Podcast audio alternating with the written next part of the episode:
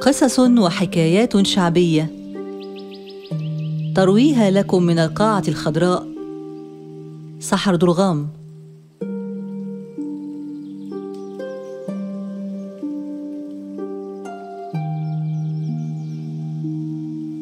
قصة الطائر الناري والثعلب العجيب. الجزء الثاني. انطلق الأخ الأكبر في طريقه حتى وصل إلى ثلة مرتفعة عن الأرض. فتوقف أمامها وترجل من على حصانه تاركا له العنان ليرعى. ثم جلس على العشب وأخرج ما بحوزته من طعام. وبدأ في تناول غدائه. وفي هذه اللحظة اقترب منه ثعلب عجيب الشكل. وقال له أرجوك أرجوك يا سيدي أعطني أي شيء آكله أنا الآخر فإنني اتدور جوعا. لكن ما إن لمحه الأمير حتى شد قوسه وأطلق سهمه نحوه. ولم يعرف الأمير إن كان أصابه أو لم يصبه فقد اختفى الثعلب من المكان. وصارت الأمور بالمثل مع الأخ الأوسط. فعندما وصل إلى أحد الحقول الواسعة جلس فوق العشب يستريح وأخرج ما في جعبته من طعام ثم اقترب منه الثعلب العجيب الجائع راجيا أن يعطيه الأمير شيئا يأكله. وما إن أطلق الأمير سهمه نحو الثعلب حتى اختفى الثعلب من أمام ناظريه. أما الأخ الأصغر فقد توقف أمام مجرى نهر مائي صغير. وقد تملك منه التعب والجوع. فترجل من على حصانه وجلس على الشاطئ لينال قسطا من الراحة. وعندما بدأ بتناول طعامه رأى الثعلب العجيب يقترب منه شيئا فشيئا حتى صار على مقربة منه. ثم قال له أرجوك أرجوك أيها الشاب الطيب أعطني شيئا اكله فإنني اتدور من الجوع. أشفق الأمير على الثعلب وألقى له بقطعة من اللحم البارد قائلا اقترب أيها الثعلب العجيب. ولا تخف مني فأنا أرى أنك أكثر جوعا مني. وما معي من طعام يكفي لكل منا ثم قام الأمير بتقسيم الطعام إلى نصفين وأعطى أحدهما للثعلب وأخذ الثاني لنفسه فأكل الثعلب حتى شبع ثم صاح. لقد أطعمتني وأشبعت جوعي وسوف أرد لك هذا الصنيع. هيا امتطي جوادك واتبعني وسوف أرشدك إلى الوسيلة التي تحصل بها على الطائر الناري. انطلق الأمير خلف الثعلب الذي مضى أمام الأمير يمهد له الطريق بذيله فكان يزيح الجبال العالية ويرفع الوديان المنخفضة ويقيم الجسور فوق الأنهار وظل الاثنان في سيرهم حتى وصل أمام قصر من البرونز. وهنا قال الثعلب العجيب إن الطائر الناري موجود في هذا القصر. فادخل إلى هناك عندما ينتصف النهار. ففي هذا الوقت يكون الحرس نائمين وعليك ألا تتوقف في أي من أروقة القصر. وسوف تجد في الحجرة الأولى اثنا عشر طائرا أسود في أقفاص ذهبية. وفي الحجرة الثانية سوف ترى اثنا عشر طائرا ذهبيا في أقفاص خشبية. أما في الحجرة الثالثة فسوف تعثر على الطائر الناري بجوار قفصين. أحدهما ذهبي والآخر خشبي. فعليك أن تضع الطائر في القفص الخشبي وإن فعلت غير ذلك فسوف يحدث ما لا تحمد عقباه. دخل الأمير إلى القصر البرونزي ووجد كل شيء كما وصفه له الثعلب العجيب. وسار حتى وصل إلى الحجرة الثالثة فوجد بها الطائر الناري نائما. وخفق قلب الأمير من فرط جمال الطائر وروعته ثم أمسك به وقام بوضعه داخل القفص الخشبي. بعد ذلك فكر الأمير قليلا قائلا في نفسه أيعقل أن يوضع طائر بهذا الجمال في هذا القفص القبيح. إن الطائر الناري يستحق قفصا ذهبيا. ثم قام الأمير بنقل الطائر من القفص الخشبي إلى القفص الذهبي.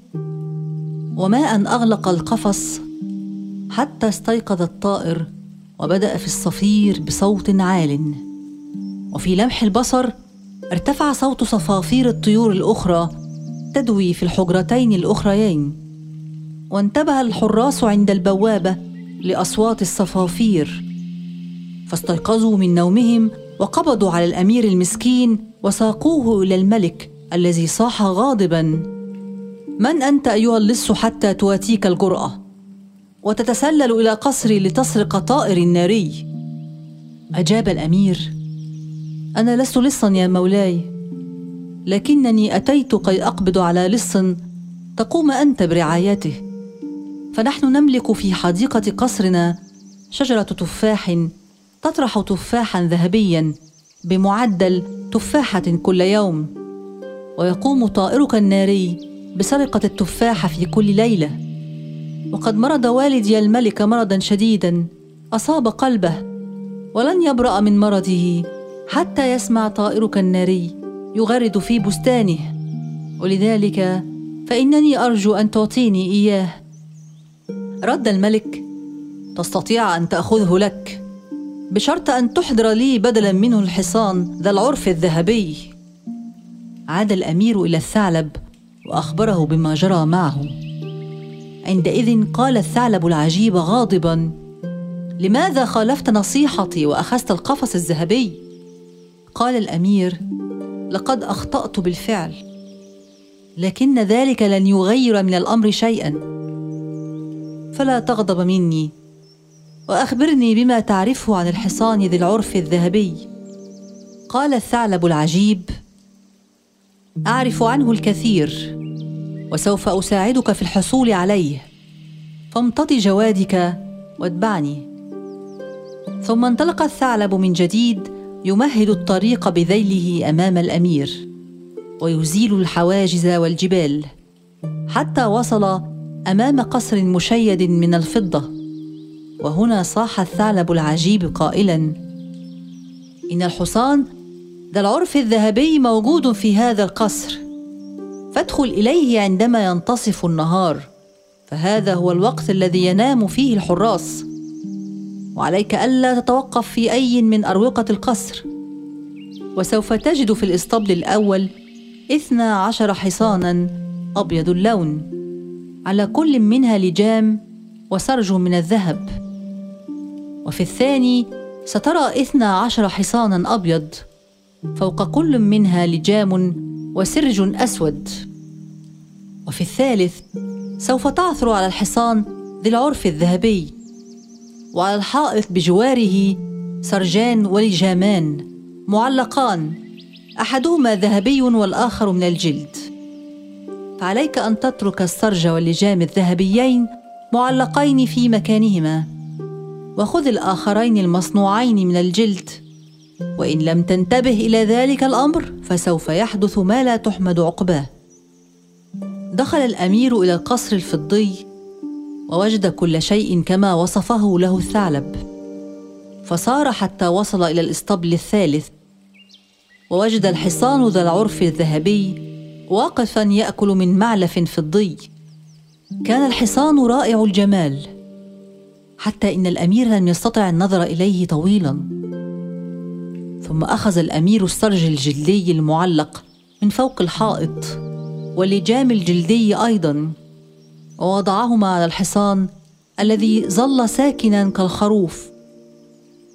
وهنا نظر الأمير إلى السرج الذهبي المعلق ورأى اللجام الذهبي المرصع بالأحجار الكريمة فانبهر بهما وقال لنفسه هل من المعقول أن أضع هذا السرج القبيح واللجام الجلدي على حصان بديع مثل هذا الحصان؟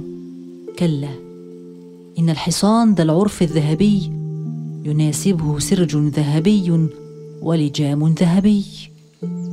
ثم نزع السرج واللجام الجلديين من على الحصان. ووضع مكانهما السرج واللجام الذهبيين. وما ان شعر الحصان بهما حتى أخذ يصهل بصوت عال ويرفس الأرض بحوافره. وفي لمح البصر مضت بقية الخيول بالاسطبلات المجاورة. في الصهيل هي الأخرى حتى احدثوا جلبة عالية أيقظت الحراس من نومهم. فأسرعوا بالقبض على الأمير والوقوف به أمام الملك. نظر الملك شذرا إلى الأمير وقال له من أنت أيها الأحمق؟ حتى تتجرأ وتتسلل داخل قصري. متخطيا حراسي كي تسرق حصاني ذا العرف الذهبي. أجاب الأمير لست لصا يا مولاي الملك لكنني قمت بهذا العمل رغما عني. ثم حكى للملك ما حدث معه. وكيف أن ملك القصر البرونزي طلب منه الحصان ذا العرف الذهبي حتى يعطيه بدلا منه الطائر الناري. لذلك فهو يأمل أن يوافق الملك على إعطائه الحصان. وهنا قال له الملك يمكنك الحصول عليه بشرط أن تحضر لي بدلا منه العذراء ذات الشعر الذهبي. التي تسكن القصر الذهبي الواقع على شاطئ البحر الأسود. كان الثعلب العجيب ينتظر الأمير في الغابة وما إن رآه قادما بدون الحصان حتى صاح فيه غاضبا. ألم أقل لك من قبل أن تترك السرج الذهبي وتأخذ الجلدي؟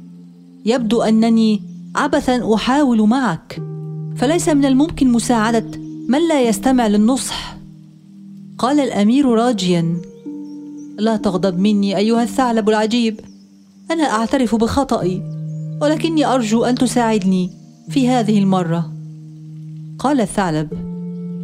حسنا سوف أساعدك مرة أخرى لكنها المرة الأخيرة. فإذا نفذت ما أقوله لك يمكنك أن تصلح ما أفسدته بقلة حكمتك. هيا امتطي جوادك واتبعني. ثم انطلق الثعلب مجددا وصار يمهد بذيله الطريق أمام الأمير ويزيل الحواجز والجبال. حتى وصل إلى القصر الذهبي الواقع على شاطئ البحر الأسود. عندئذ قال الثعلب إن سيدة هذا القصر هي ملكة البحار ولها من البنات ثلاث أصغرهن هي ذات الشعر الذهبي. فادخل القصر واطلب من الملكة أن تعطيك إحداهن زوجة لك. وعندما تطلب منك أن تختار بنفسك منهن عليك اختيار أبسطهن مظهرا. رحبت ملكة البحار بالأمير ترحيبا حارا.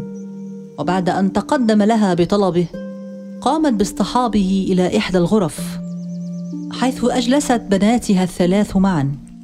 وقد كن جميعا قريبات الشبه الواحدة إلى الأخرى بدرجة كبيرة. حتى أن أحدا في العالم لم يستطع أن يميز بينهن. وكن جميعا على قدر كبير من الحسن والجمال. وبعد أن رآهم الأمير وقف مشدوها بجمالهن وظل حابسا أنفاسه من شدة الإعجاب بهن. كما كانت كل منهن تضع غطاء على رأسها حتى لا يعرف الناظر إليها لون شعرها. وترتدي كل منهن ملابس مغايرة للأخرى. فقد ارتدت إحداهن شالا وعباءه مطرزين بالذهب. وارتدت الثانية شالا وعباءه مطرزين بالفضة. أما الثالثة فلبست ملابس بيضاء بسيطة. قالت الملكة اختر لنفسك ما تريد منهن. فأشار الأمير إلى ذات الرداء الأبيض قائلا أعطني هذه الفتاة. صاحت الملكة. أها إن هذا الاختيار لم ينبع منك. وعليك الانتظار إلى الغد. لم يستطع الأمير النوم من شدة القلق الذي انتابه وصار يفكر في نفسه. يا ترى ما الذي سوف يحدث في الغد؟ ومع بزوغ أول شعاع للشمس خرج الأمير إلى حديقة القصر. فما ان وطأت قدماه الحديقة حتى ظهرت أمامه من حيث لا يدري ذات الرداء الأبيض وقالت له إن أردت اليوم أن تتعرف علي من بين الأخريات فعليك أن تنتبه جيدا إلى الذبابة التي سوف تحوم حولي لتميزني بها. ثم اختفت ذات الرداء الأبيض كما ظهرت وبعد الظهيرة اصطحبت الملكة الأمير إلى الغرفة نفسها التي بها الفتيات وقالت لو استطعت أن تتعرف على الفتاة التي اخترتها بالأمس فسوف تكون من نصيبك. وإن لم تنجح في التعرف عليها فلن تخسر سوى رأسك. سنواصل القصة في الحلقة القادمة. قصص وحكايات شعبية. ترويها لكم من القاعة الخضراء سحر درغام.